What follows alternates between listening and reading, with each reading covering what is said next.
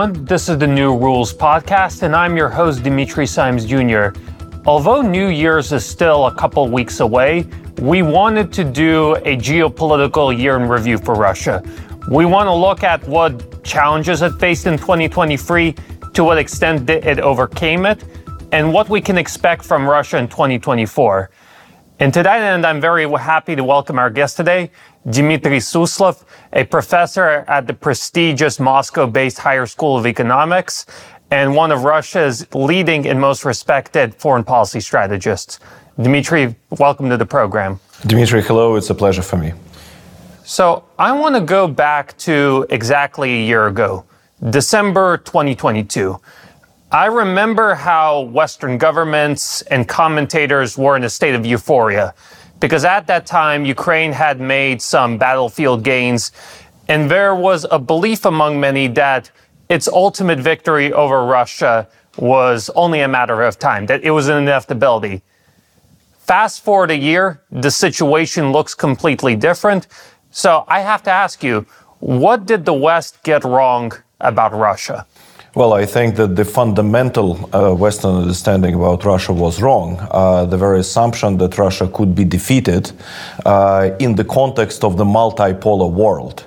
I assume hypothetically uh, Russia could have, although it would have been still very difficult to defeat Russia, but hypothetically it could have happened if the world had still been unipolar, uh, with the overwhelming majority of the countries just following the American, you know, uh, order others, but in the context of multipolarity, it's completely impossible uh, to accomplish. And I think that the American policymakers uh, just misunderstood the state of the world and the place that Russia plays uh, in this world. Also, once more, they misunderstood the Russian history, the Russian resolve, uh, the Russian ability to mobilize itself. You know, the pattern according to which Russia is well, not really successful at initial stages of big wars, of great power wars. And of course, today we are dealing with a great power war because Russia is essentially struggling against the collective West, uh, led by the United States. But in the meantime, Russia usually mobilizes, uh, Russia usually adapts uh, to the situation that it faces on the fronts and succeeds. And this is precisely what happened in 2022 in, in terms of the beginning of Russian mobilization and also in 2023.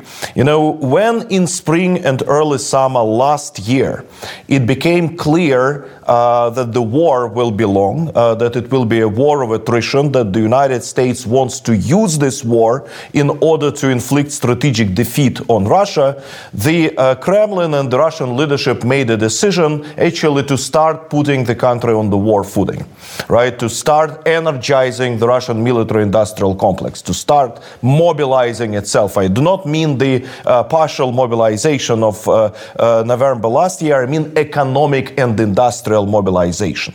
And now we see the effects uh, of that, right? So uh, uh, when Russia seriously understood that it is facing a war of attrition, that it is facing a long war, Russia started to prepare to this, and Russia succeeded. And also, of course, Russia succeeded in terms of relations with the world majority. You know, one of the reasons, one of the major reasons why Russia survived economically uh, is that it not just maintained but intensified economic relations with the overwhelming majority of the non-Western countries, uh, including China, India, Middle Eastern countries, Saudi Arabia, Iran, United Arab Emirates, BRICS countries uh, altogether, and so on and so forth.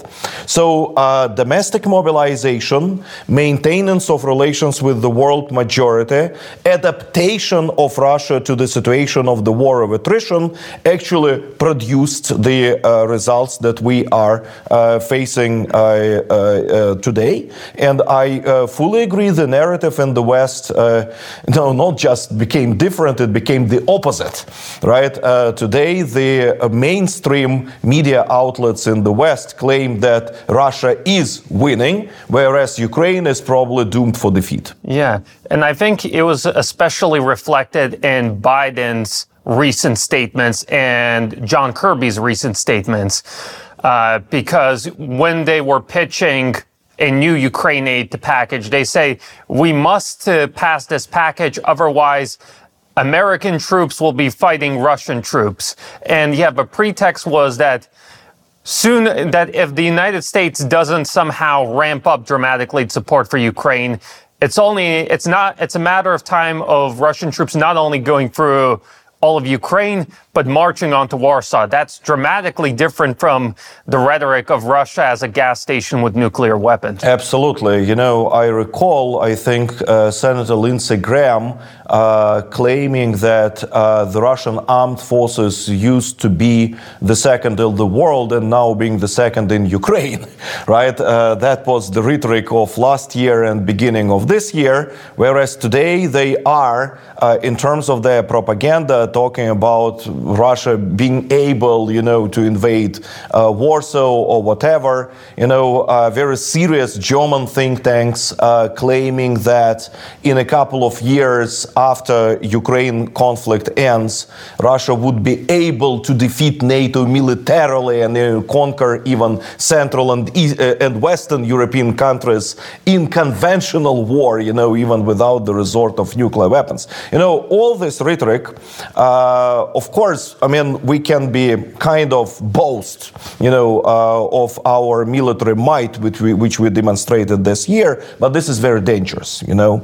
Uh, and the very statement that Joe Biden himself made, thus fully absorbing the initial Ukrainian propaganda uh, that if Russia defeats Ukraine, it will go further and then invade Baltic states or Poland, and thus the West must, you know, do everything to uh, defeat Russia or, uh, in Ukraine, or at least to ensure the lack of uh, victory for any side, you know, this is very dangerous. Yes, I think that both Biden and John Kirby and, uh, you know, uh, Secretary Blinken, who also made uh, those similar statements, they use it in terms of domestic propaganda in order to convince uh, the reluctant Republicans, you know, to vote uh, in favor of the new Ukraine funding. But at the same time, those statements mean and imply that they are still not ready for a serious talk.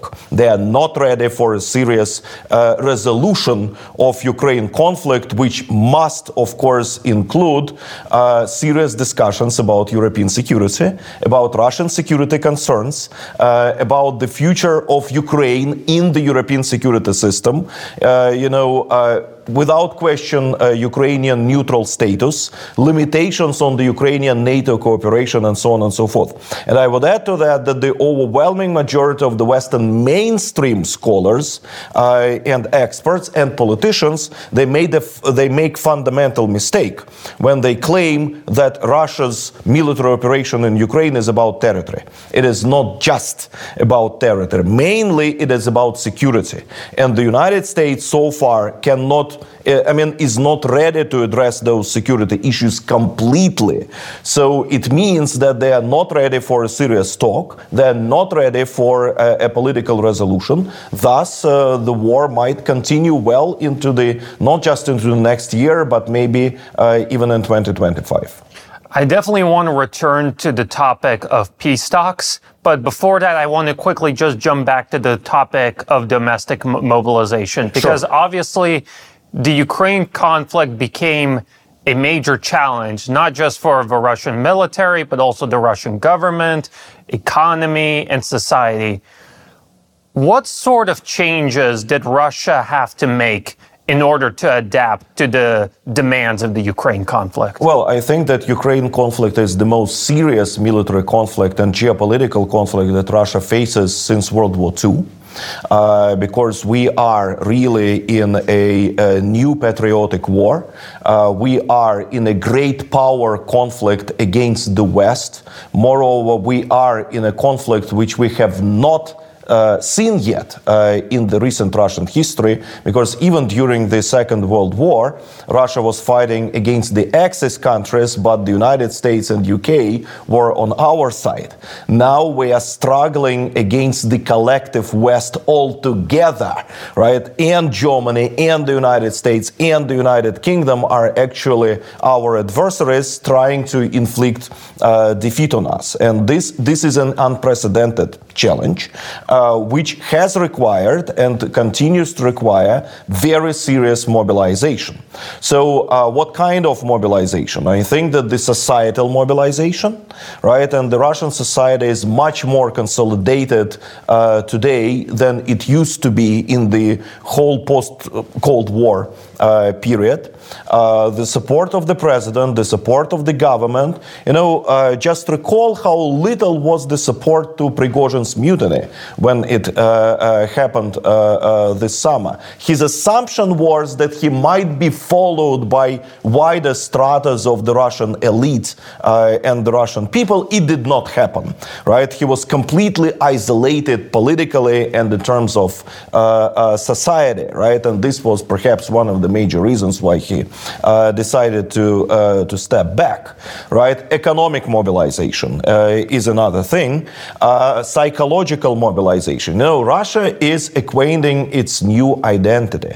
Again, the West is making, I think, a, a very serious mistake. They are all talking about Ukraine finding its new identity on the anti-Russian basis, but they completely miss that Russia Uh, is finding its new identity, and there is no place for the West in this new Russian identity which we are acquiring today uh, as a new, uh, you know, as an independent civilization. I think that the statement in the latest version of the Russian foreign policy concept about Russia being an civilization of itself, thus not necessarily not necessary to join anyone else, uh, be it the West or uh, or the non-West, right? But being Russia being the civilization of itself is extremely serious. And I think that the uh, marginalization of the fifth column uh, in the Russian political elites and in the Russian business elites, societal elites, is a very important accomplishment uh, of the challenge that Russia is dealing with. You know, Russia is being reborn. Uh, Russia is kind of, you know, reconstituting itself uh, in this uh, in this current struggle, and Russia is obviously getting out of this war, getting out of this challenge much stronger, much tougher, much more, uh, you know, monolithic than it used to be. You know, I think, yeah, the points that you made about the sort of shift in elites is particularly interesting because we all know the stereotype of the Russian business tycoon who has foreign passports, foreign assets, you know, spends his summers and the French Riviera obviously these people became politically marginalized after Absolutely. Putin came to power. Yeah. and they were no longer the oligarchs with the sort of power they were in the 1990s. But the Ukraine conflict seems to have further marginalized these people in terms of influence and resource. Absolutely. And I think that uh, many of them actually made a decision uh, to stay in Russia. Some of them made a decision to leave Russia completely. So basically, they're uh, the um, the share of gray zone uh, inside Russian elite has almost disappeared, right? Uh, the situation polarized, uh, and those people had to make a choice. Either they are in Russia, and thus they have to become patriots and work for Russia, you know, bring their money back uh, taking also into account that it's no longer safe uh, to keep their money uh, in the in the West or to stay in the West physically, they could be arrested. You know, uh, not not just their assets, but they physically, you know, personally could be arrested uh, at at any moment. so they have to return to Russia or they have to become the enemies of Russia, no longer living and working and making money in Russia, but just going to the other side, you know, joining the adversaries in uh, in their struggle uh, uh, against Russia. Both is healthy. both is healthy, right? Because we are simultaneously obtaining new patriots and we are getting rid of traitors. And I guess your perspective is particularly interesting because you are a professor at one of Russia's most prestigious political science university. Many of your students will go on to take positions in journalism, in government, in think tanks, in the business community. So I'm guessing, what are you seeing among members of Russia's future policy elite? Because as I'm sure you know in the West, when people think of young Russians, they think of, you know, liberals who support the opposition, who are pacifists. What do you see among the next generation of Russian leaders? Well, I think that the uh, share uh, of those who just uh, you described and the West hopes to be the Russian future has uh, substantially shrunk. Uh, there are certainly a couple of students uh, among the courses that I teach who are not supportive of the current Russian foreign policy approach, who would want to have more pro Western orientation. But I would say that uh, throughout, and I'm teaching for about 17 years in the Higher School of Economics, so the number of such students, the share of such students have become just incredibly less. They're just uh, a handful, you know, uh, one or two or three people like that, whereas the overwhelming majority are fully supportive of the current position uh, of the current policy which the Russian government is conducting. They are understanding the challenges that the country faces. They do understand what are the root causes of the conflict, including the Ukraine war, uh, which we've been dragged into. Uh, and they, I mean, they fully understand that that uh, Russian future is certainly outside of the Western framework, that it is impossible, and history proved that, that it was impossible for Russia to find itself, uh, you know, as a great power, uh, to accomplish and promote its national interests inside the Western orbit and inside the Western framework. So we have to consolidate ourselves outside of it, right? And I think that the overwhelming majority of students certainly understand it. And what explains this patriotic shift among, you know, young students at Russian elite universities? Because if you think about it, this is the Coca-Cola generation. This is the generation that grew up on MTV, ate at McDonald's, right. uh, watched Hollywood movies. This is the most Americanized generation in Russian history. Yet I remember this summer when we had high school graduations in Moscow you went to Gorky Park, right? Yeah. And you saw Russian high school graduates marching around with Russian imperial flags, mm-hmm. paratrooper flags, and playing the pop music of Shaman, whose hit song is I'm Russian. Yes. Well, I, I, I think that uh, Russian youth, the majority of the Russian youth, uh, used to be sincerely pro Western in 1990s in early 1990s especially, but this time has passed right? Uh, because the newer generations of the Russian students uh, in schools uh, and in universities, they see what's happening right? They continue to have some accomplishments uh, of the, I would say, you know, technical achievements, civilization, you know, gadgets, uh, Coca-Cola, I mean, uh, produced, I mean, under the new titles inside uh, inside Russia, renamed McDonald's, right, which is now the Russian company. So they still have uh, you know, contrary to the Soviet students, right, uh, who did not have jeans, chewing gum, you know, and uh, uh Coca Cola uh, hamburgers and stuff like that, and were dreaming about those things and considered that, you know, turn to the West would bring it to them, uh, the new the new generation of the Russian youth, and I'm very hopeful of the uh, new generation of the Russian youth. Uh, they understand, you know, they have those things, and I think what's fundamental is that they understand it is not necessary for Russia to sacrifice its sovereignty, to sacrifice its security, you know, for the sake of jeans, good dress, uh, and good food, because because they have it, right? Uh, and they, they, they, they have it uh, either produced inside Russia or imported from friendly countries, right? From the world majority, right? Uh, the West is no longer, and that's fundamental. And I'm coming back to what I started. You know, one of the fundamental things which the West uh, uh, oversaw uh, is uh, multipolarity. The West is no longer the only producer of modernity and the only example of modernity, the only producer of technologies, the overproducer of you know goods, including public goods, right? Uh, other power centers in the world uh, do that. So it is very easy, actually, for uh, Russian people, for Russian citizens, and for Russian students to maintain partially westernized way of life while being patriots. And I think that in some ways the internet and globalization has actually helped for young Russians to maintain skepticism towards the West, right?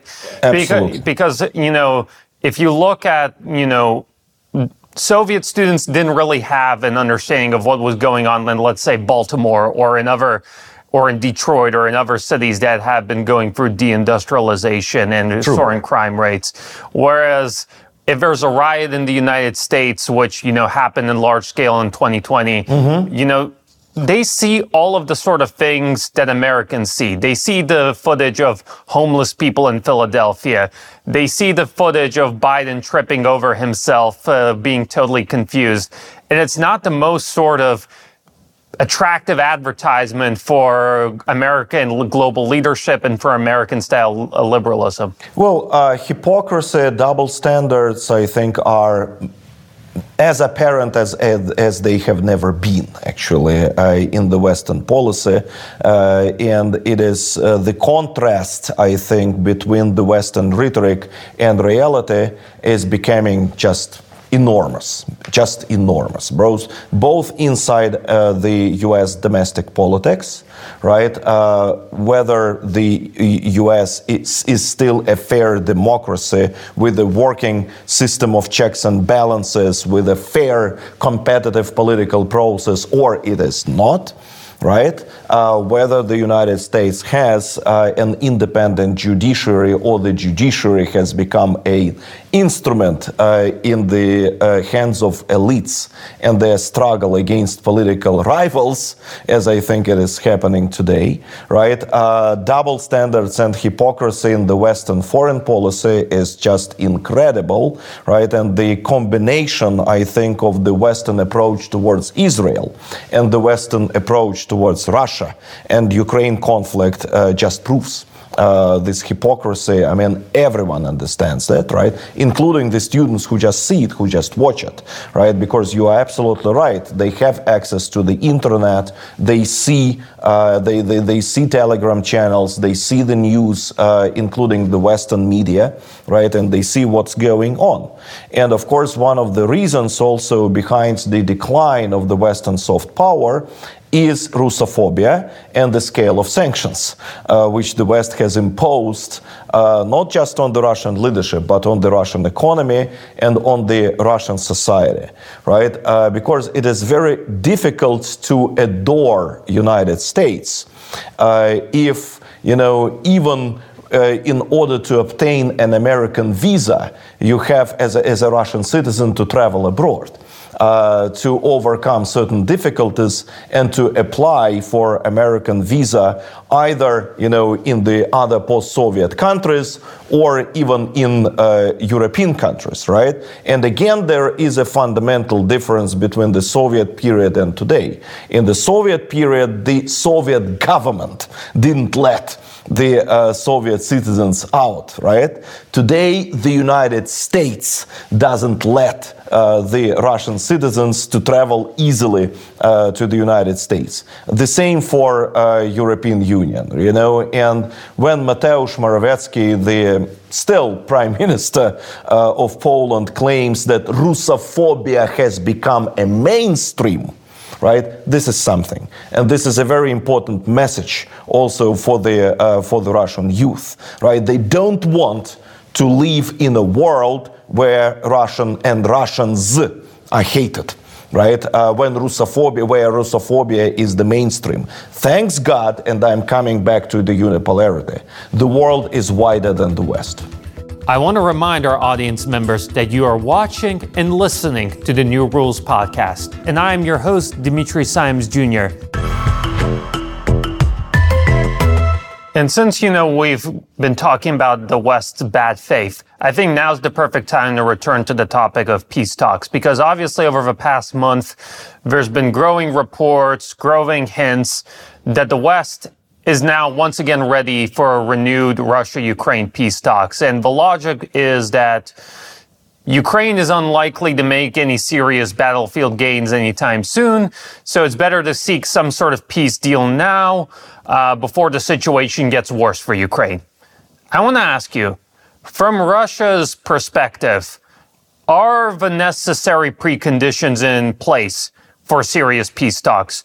Or is this just, you know, another farce by the West? Uh, I don't think that there are necessary preconditions for the peace talks. You know, the objective reasons for the Western interest in the peace talks are there, uh, because the correlation of forces on Ukraine conflict is shifting towards the Russian favor, has already shifted towards the Russian favor. And I think the um, uh, preponderance on Russia, Russian preponderance on the fronts, on all aspects, uh, will continue to grow, right? Uh, in terms of the number of people, uh, in terms, and, and, look what's going in Ukrainian mobilization, right? Even the Western media claims that the average age uh, of Ukrainian fighters is about 40 years, which is incredibly high, right? Uh, in terms of weapons and ammunition, in terms of the ability to deliver, supply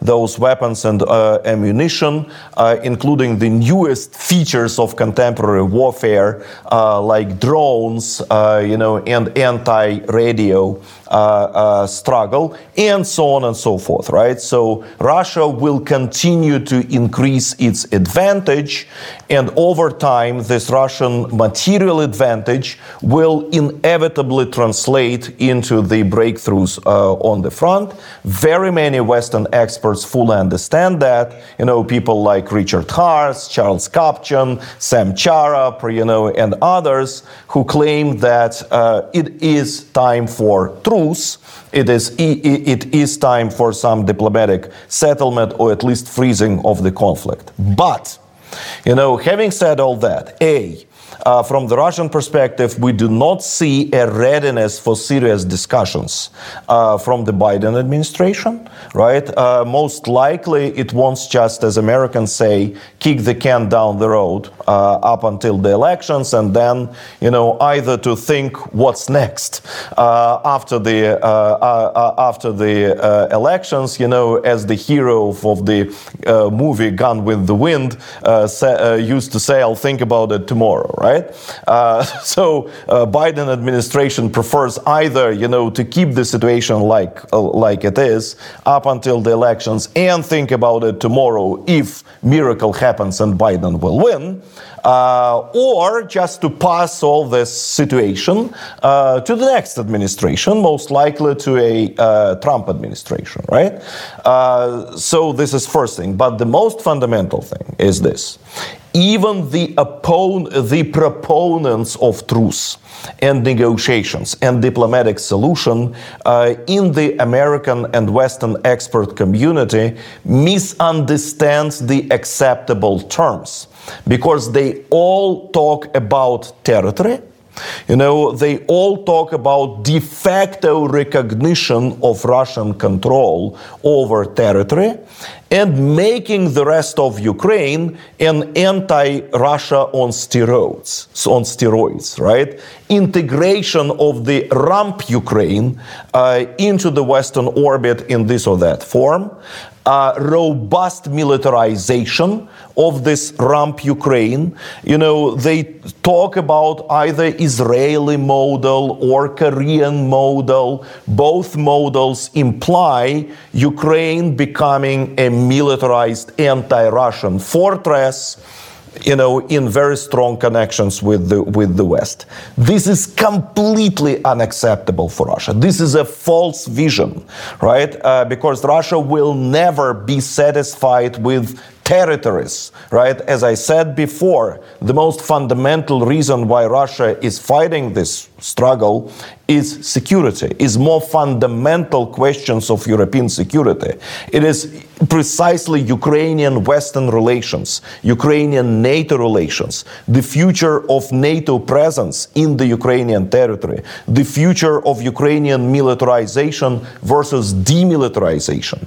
So without the Western readiness to address those issues, I don't think that the Russian government would be ready for uh, for negotiations and even for truce. And I don't see any uh, actually among the serious Western um, uh, uh you know actors even in, in, inside the Western expert community, who would be ready uh, to approach this uh, conflict and to start discussing those uh, fundamental uh, uh, things, you know, from the perspective that I described.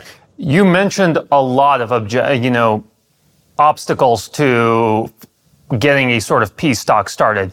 I think you did miss one very important one, and that's the issue of trust. Right. Because during the 1990s and 2000s, Western leaders repeatedly misled Russia about NATO expansion.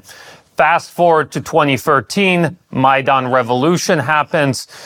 Biden, uh, Obama at the time repeatedly misled Russia about his intentions. And then you had the conflict breakout in the Donbass region. You had the Minsk agreements. And again, you had Western leaders repeatedly mislead Russia about their willingness to pressure Ukraine into fulfilling the terms of that agreement. Absolutely. Is Russia willing to trust the West? No, uh, you are absolutely right. You know, the whole post Cold War period is, I think, an endless uh, uh, uh, continuum of, um, uh, of deception.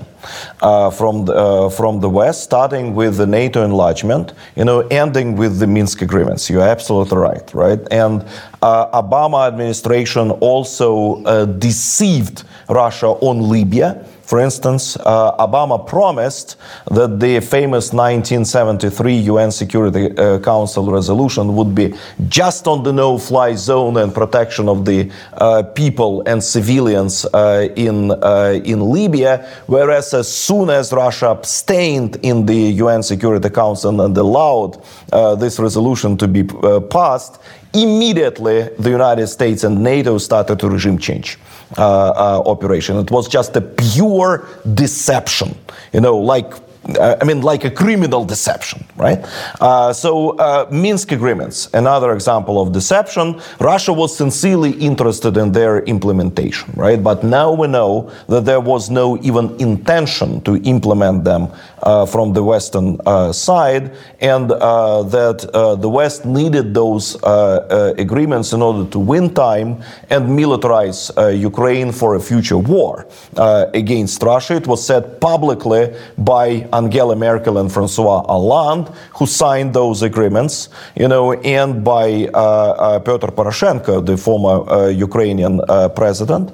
I think one of the latest uh, deceptions uh, by the West is the Western intentions towards Ukraine per se already after the special military operation has begun, because rhetorically the West is talking about Ukrainian security, Ukrainian sovereignty, uh, Ukrainian territorial integrity, and so on and so forth. But at the same time, you know, when there was a chance in March last year uh, actually to address those topics, to end the war quickly, and Russia was ready to return the overwhelming majority of territories that Russia took uh, back to Ukraine, including Kherson region and Zaporozhye uh, region. It was all in the papers, right? Uh, Russia wanted just to maintain Crimea uh, and to future discuss uh, the future status of Donbass, right? But Russia was ready to return the south of Ukraine back to Ukraine, right? Uh, it was a chance for Ukraine to restore, you know, almost 99% of its territorial integrity to obtain security, to end war, to save hundreds of thousands of people, you know, to save economy and so on and so forth. What the West did, the West disrupted uh, this uh, peace agreement. Why? Because the West, uh, you know, sensed blood you know, as sharks do in the uh, in the ocean. Uh, and the West decided to use this conflict in order to weaken Russia uh, you know, in order to uh, inflict military defeat, economic defeat, uh, international political isolation on Russia, and so on and so forth, in order just to get rid of Russia as a great power, in order to solve the Russian question uh, in international uh, relations, and substantially shift the global power balance back into the Western favor. Because if you eliminate Russia as a great power, then you encircle kind of China, right? Then the, uh, the correlation of forces between the United States and China also shifts uh, in favor of the, uh, of the United States. That was what the West wanted, right? And all the rhetoric about helping Ukraine is just a lie right? Because in fact, they sacrifice Ukraine for the sake of uh, undermining and defeating Russia, right? Uh, so, uh, having said all that, of course, there is no trust. Of course, there is no trust. Uh, of course, Russia will not agree to any kind of version of a new uh, uh, Minsk uh, uh, Minsk agreements. Of course, there must be ironclad guarantees and reality that Ukraine uh, can no longer be able to pose a military threat vis-a-vis Russia with the Western help. Right? Russia is not afraid of Ukraine as Ukraine. Russia is uh, afraid of Ukraine being the Western bulwark uh, on the uh, on the Russian borders. So there must be such a reality uh, in which the U.S. Uh, the, the the West simply will not be able uh, to use Ukraine, you know, as an instrument, as a bulwark. against Russia, and I think that the special military operation will continue up to that moment. But I'm guessing that even after Ukraine conflict ends, tensions between the West and the Russia will remain profoundly strong because we see NATO expansion into Scandinavia. We see the remilitarization of Poland.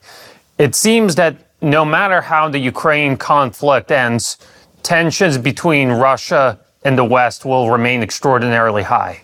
You are absolutely right. Uh, not just tensions, but the confrontation, right, uh, between Russia and the West will remain for many years, maybe decades uh, from now. Uh, we are in just the very beginning of a, a new uh, era. Uh, of confrontation, right? Uh, I think that Ukraine war is the first big war uh, between Russia and the West. Historically, it could be compared with the Korean War uh, of 1950-1953 because the Korean War was the first major military conflict of the Cold War produced by the Cold War uh, and impacted the uh, the further continuation uh, of the Cold War. You know, militarization of NATO, preservation and increase of American military presence in Europe and in Asia were the results uh, of Korean War. The famous Truman Doctrine was a result of Korean War. So Korean War uh, produced intensification of the Cold War confrontation between the U.S. and the Soviet Union for decades to come. I think that the effect uh, and the role of the Ukraine uh, conflict will be pretty similar. Uh, and you are absolutely right. Uh, uh, you know, NATO will continue to view Russia as a as an adversary, as a threat uh, to NATO security. NATO will continue to militarize. The Russian victory, the Russian success uh, in Ukraine will result into a more robust uh, NATO remilitarization, into a more uh, serious deployment of American military infrastructure in Central and Eastern Europe. Because just think about what kind of rhetoric there will be from Poland and the Baltic states after uh, Russian success in Ukraine, right? They already claim that they could be next, right? Of course, they will falsely claim that they could be next. Of course, there would be uh, stronger uh, remilitarization. The United States, after the Russian success and American failure in Ukraine, will be compelled to prove to their allies that the failure in Ukraine and before that the failure in Afghanistan is not the future of NATO. That the United States is still committed to defending its treaty allies against adversaries, which mean that the United States will increase its military presence in NATO profoundly in, uh, in Europe. So there will be further militarization of European security. Sanctions are forever right? Anti-Russian sanctions will definitely be maintained, even partially increased after the Russian success uh, uh, in Ukraine. I think there could be some tactical uh, normalization between Russia in the West. Uh, some European countries, in terms of, let's say, tourism, uh, in terms of some elements of, I don't know, cultural uh, relations, and of course, there could be and probably will be uh, a resumption of arms control right? Uh, because, you know, this militarized European security system, which I just described after the Russian success in Ukraine, will have to be managed, right? That, thus, there must be a more, a new some uh, uh, conventional arms control regime uh, in Europe, at least in terms of the rules of the game, in order to avoid World War III, in order to avoid, you know, just direct uh, war between between Russia and NATO. So those elements will uh, I think, uh, uh, will emerge, elements of cooperation. But fundamentally, of course, the future of Russia West relations is the future of confrontation for years and decades to come. And I think, you know, we started this interview with multipolarity, and I guess it's only logical to end this interview with multipolarity because obviously Ukraine conflict will be at the top of Russia's agenda in 2024. But we also have Russia assuming the BRICS chairmanship in January 2024 amid the organization's biggest expansion in history. At least 10 members maybe 11 if Milei of Argentina has a come to Jesus moment. Right. But I guess what are Russia's priorities as it takes over the BRICS chairmanship? Where does it want to take the organization? And do you see a further expansion under Russia's chairmanship? Well, I think that the expansion of BRICS is the fundamental uh, illustration of the emergence of the world majority. Uh, BRICS in itself is an avant garde uh, of the world majority, right? It uh, consists of the uh, major, most influential non-Western power centers, both global uh, and regional, and now it includes nearly all of them, right? Nearly all of them who really matter in their according spheres and in their according uh, uh regions. And I think that under the Russian chairmanship, uh, BRICS will strengthen itself as a global governance institution right? As the leading global governance uh, institution as, a, as the institution which uh, promotes multipolar international order, which produces global public goods, right? Because unfortunately, the G7 uh, is no longer a global governance institution. It is an institution of confrontation, on the one hand, against Russia and China, uh, and consolidation of American allies around the United States. G20 is paralyzed and we see it, you know, uh, over the uh, over the last two years. So BRICS. Uh, is the major institution of global governance.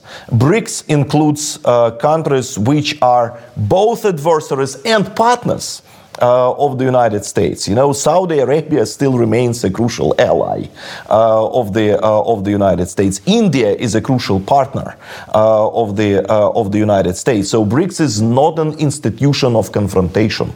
BRICS is an institution of making the world more you know, effective and successful, uh, uh, making global governance more effective and successful, promoting not West dominated, you know, uh, the new type of global governance without the Western hegemony, but reflecting the position of the world majority, right, of the world majority, be it the global south, but I prefer the term glo- uh, uh, world majority.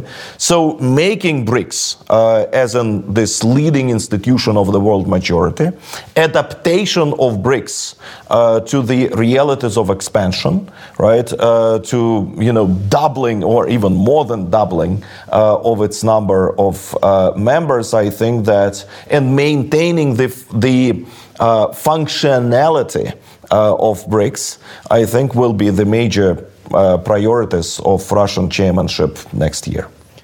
I want to remind our audience members that you watched and listened to the New Rules podcast. I'm your host, Dimitri Simes Jr., and our guest today was Professor Dmitry Suslov. Professor Suslov, most of our audience members are not Russian speaking. They're in the United States, Europe, Africa, all across the English speaking world. What can they do if they want to keep up with your work? Because I'm sure that for many of them, this was a fresh opportunity to hear the Russian perspective on foreign policy and geopolitics. Is there anywhere they can go to keep up with your work, with your writing analysis? Well, I think that first they need to follow your podcast, podcast because I think that you very, uh, very accurately and uh, describe the Russian perspective and um, you know in a very good way. Uh, secondly, just go to the website of the Higher School of Economics. Just go to the website of the Valdai International Discussion Club, expert of which I'm also proud to be, right? Uh, go to the website of the Center for Comprehensive European and International Studies, where I work, in the Higher School of Economics. There are multiple English language publications uh, there and also published interviews. Uh, and also, if you speak Russian, I would advise to, uh, uh, to watch the Большая Игра, uh, the big game program on the Russian TV First Channel, because it is devoted to international affairs and it also makes a good impression of what Russia thinks about the world today and tomorrow. And if you want to keep up with our work, the very first thing you should do is like this video, repost, and subscribe to us on Rumble. And of course, we're now on X, formerly Twitter. So please, you know, follow us on X, send this video to Elon Musk, in all of his comments and all of his posts. I think this will be an enlightening video for him and for others. Thank you all who watched this. Till next time.